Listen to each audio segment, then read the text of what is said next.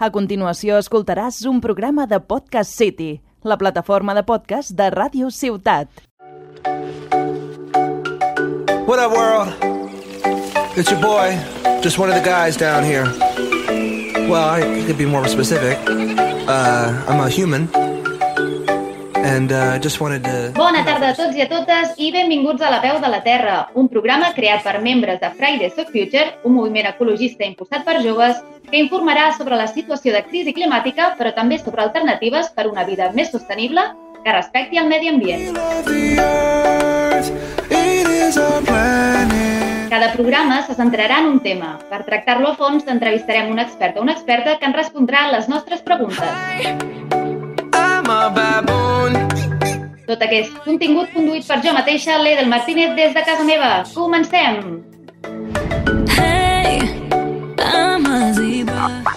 Hay una cuestión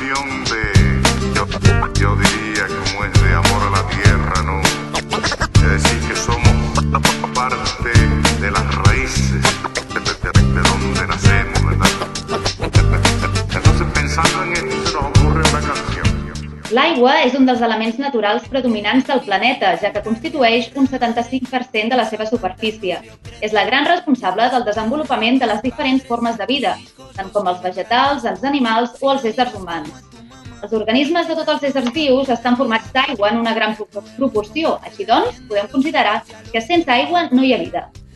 Tot i això, moltes, segons moltes organitzacions internacionals, la contaminació d'aigua, tant dolça com salada, augmenta i això comporta que l'aigua potable cada vegada sigui més escassa.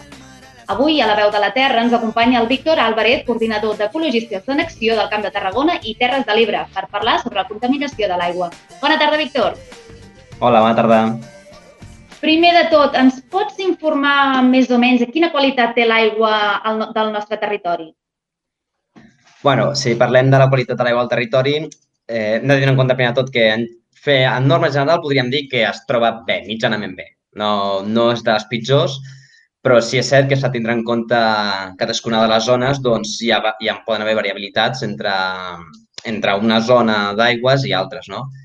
Però així, per norma general, podem dir que mitjanament es troba bastant bé I un exemple d'això doncs, podria ser aquests espectacles que a vegades ens dona la natura de poder veure els dofins pel mar. No? Doncs els dofins és un animal que et dona, dona a conèixer de que l'estat de l'aigua és correcte. Doncs si no, els dofins no estarien per aquí. No?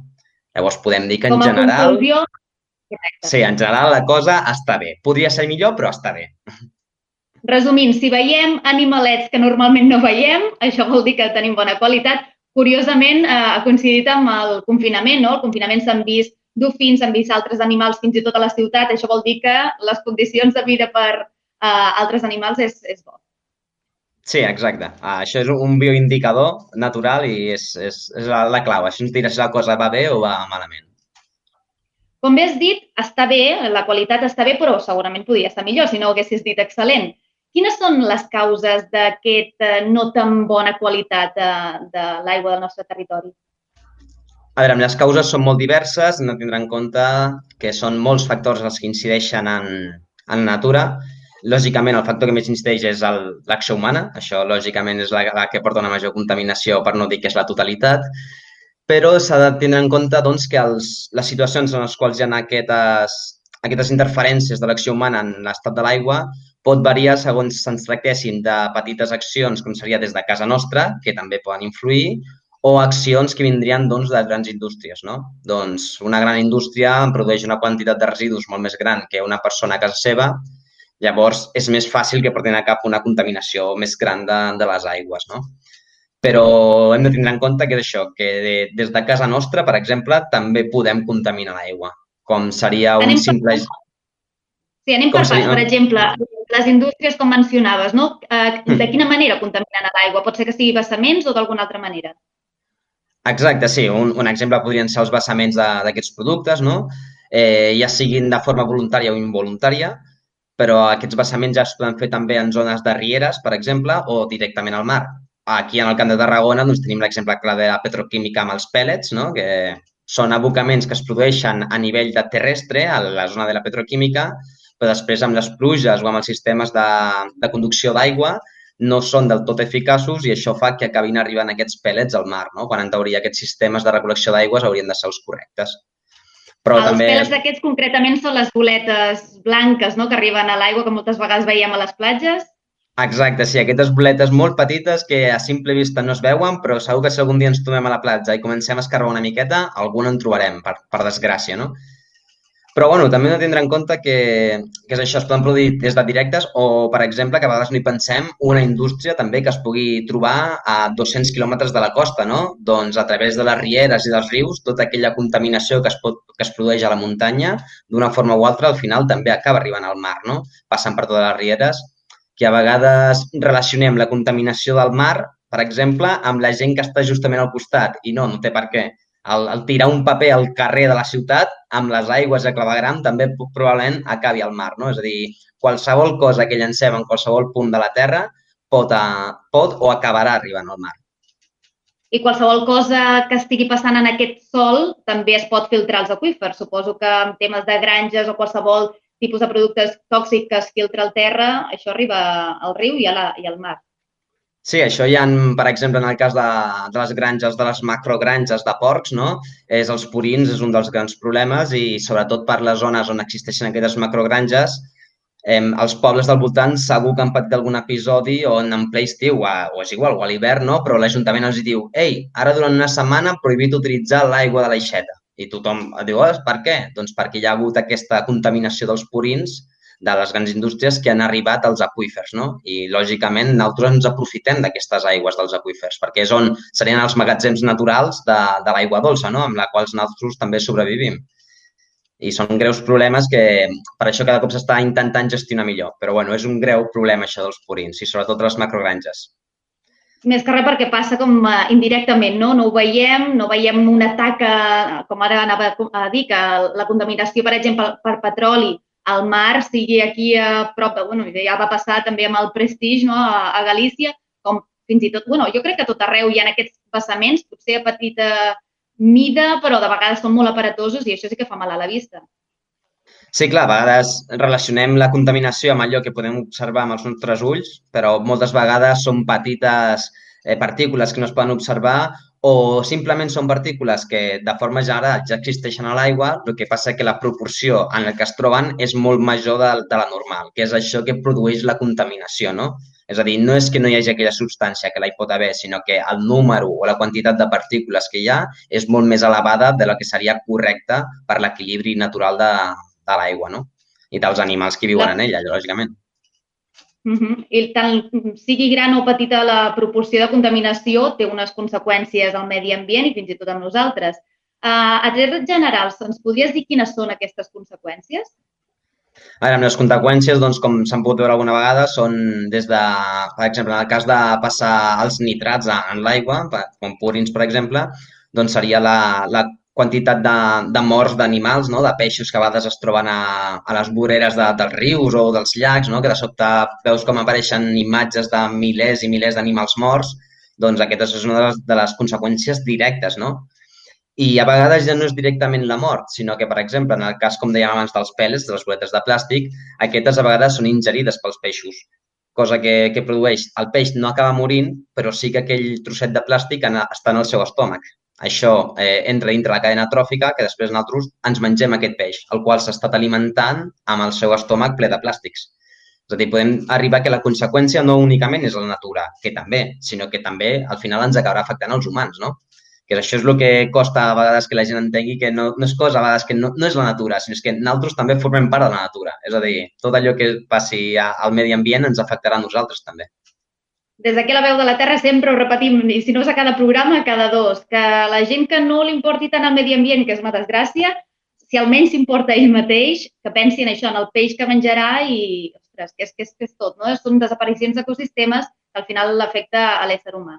Així que a veure si almenys per una banda que respectin.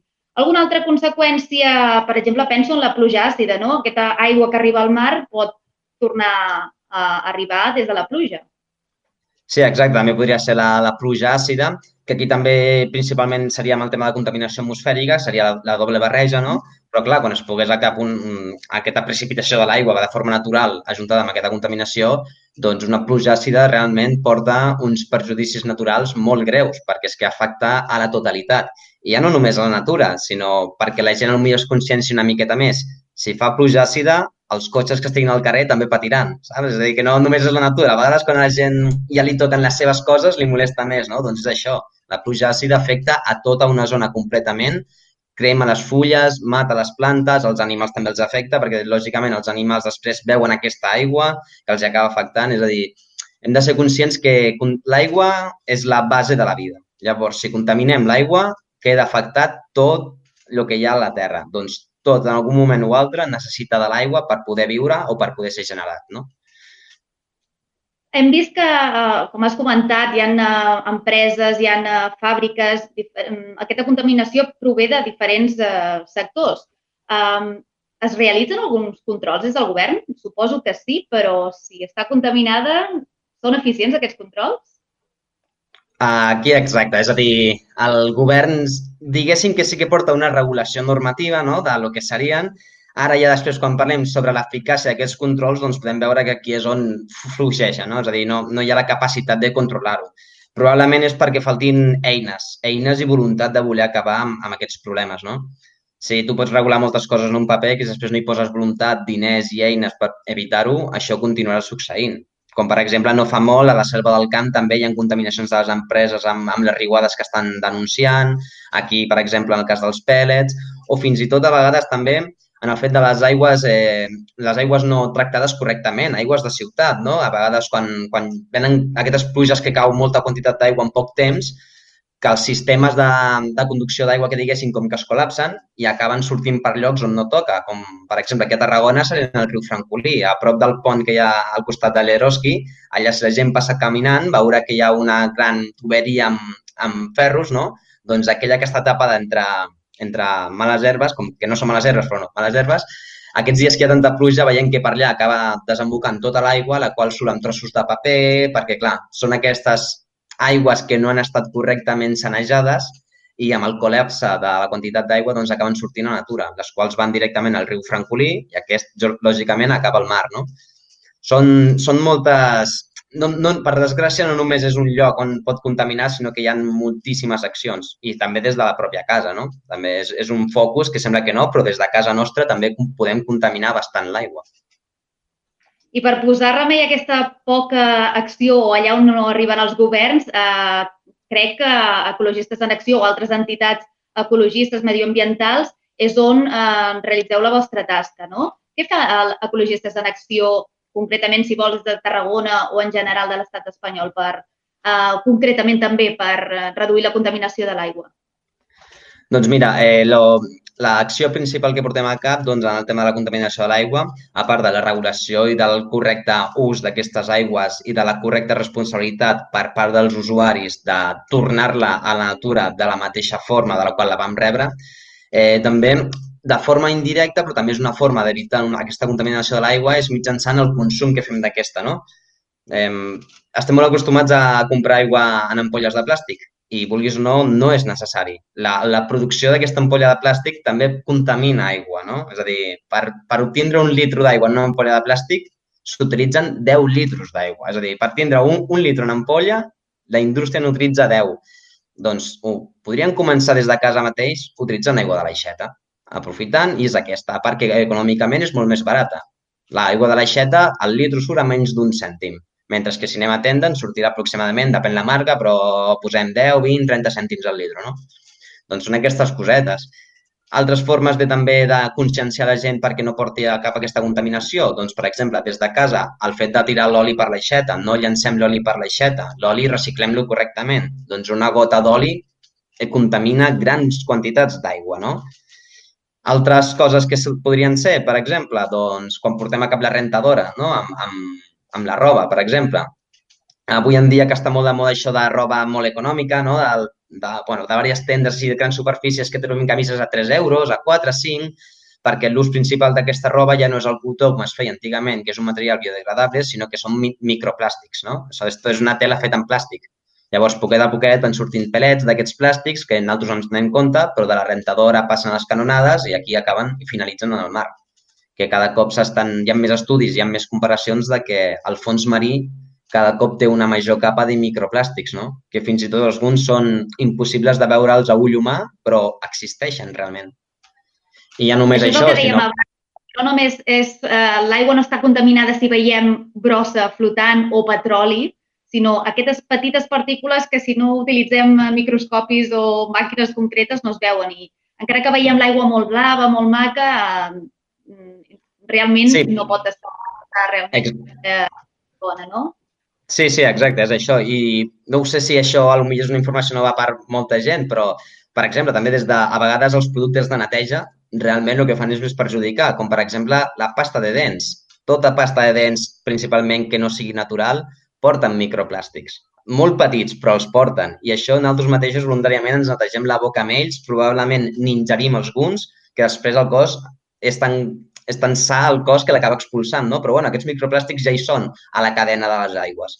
Doncs amb aquests petits gestos no, sempre es pot anar millorant i ajudar la qualitat de l'aigua, que sempre barrejar-la amb, amb materials o elements biodegradables. I fins i tot altres productes de neteja que no porten microplàstics, però si no són biodegradables o no porten l'etiqueta eco, també poden contaminar l'aigua. Ah, exacte. Això també ho hem de tindre en compte. Com alhora també serien, per exemple, que això ja la gent és més consciència, però amb els productes de, de l'agricultura, no? els productes fitosanitaris, és a dir, que, que siguin productes ecològics, no? que siguin respectuosos amb el medi ambient. Perquè avui en dia estem molt acostumats a utilitzar productes químics i la gran majoria dels productes químics que utilitzem, tant a casa com a qualsevol lloc, no són respectuosos amb, amb el medi ambient. No? I per molt que diguem, bueno, és una goteta, no passa res, pot no passar res, que sempre passa, no? però ja estàs contaminant. Sigui, tothom... Ja diuen que una goteta d'oli pot contaminar molts litres d'aigua. Exacte. Si tothom diu, bueno, una, una miqueta no passa res, ja, però una miqueta de tots acaba produint un resultat, un resultat fatídic, no? I ara que ve l'estiu se m'acaba d'ocórrer que també està, ara comença a comercialitzar-se, o potser abans també, però no, no en tanta quantitat, la crema solar biodegradable. Que això també és molt important, perquè la crema solar directament nosaltres ens banyem i ja contaminem, deixa aquest oli o altres partícules, que no sé el, el seu nom, però també sé que contamina, no? Sí, exacte, perquè quan la crema solar, la normal que solen vendre les tendes, que com bé dius, de cada cop en fan més de- d'ecològiques, però per norma general sempre també, que poca gent, jo tampoc, eh, s'ho llegeix, no? però les instruccions et diuen que te l'has d'aplicar i sempre has d'esperar uns 40 o una horeta fins a entrar l'aigua, no?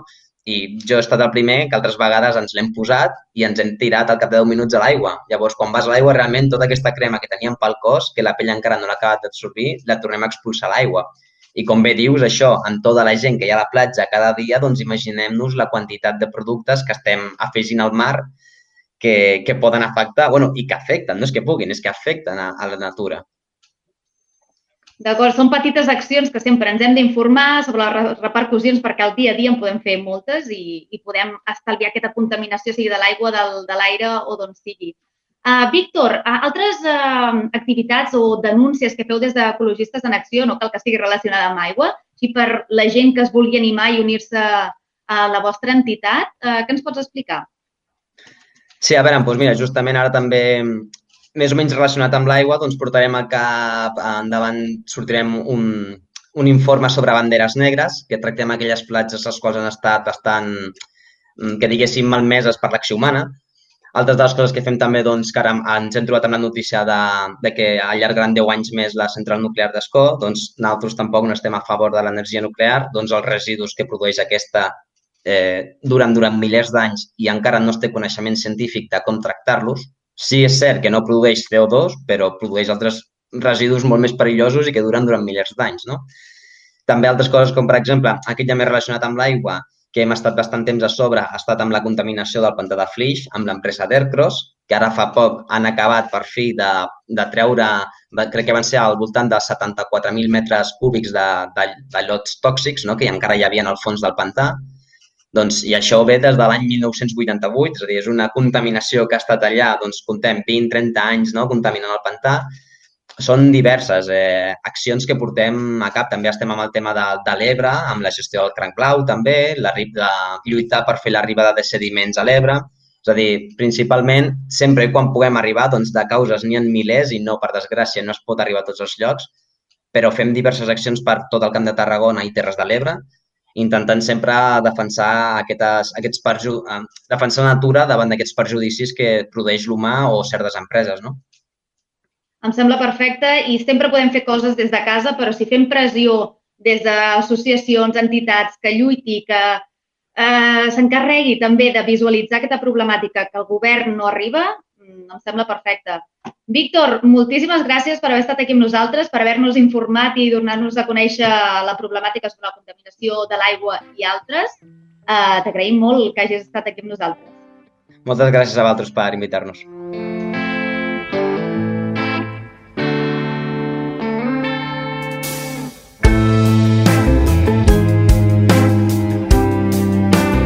I fins aquí el programa d'avui. Moltes gràcies a tots i a totes per acompanyar-nos a la veu de la Terra. Ens escoltem al pròxim programa i recorda, sigues el canvi que vols veure en el món. Adeu, adeu!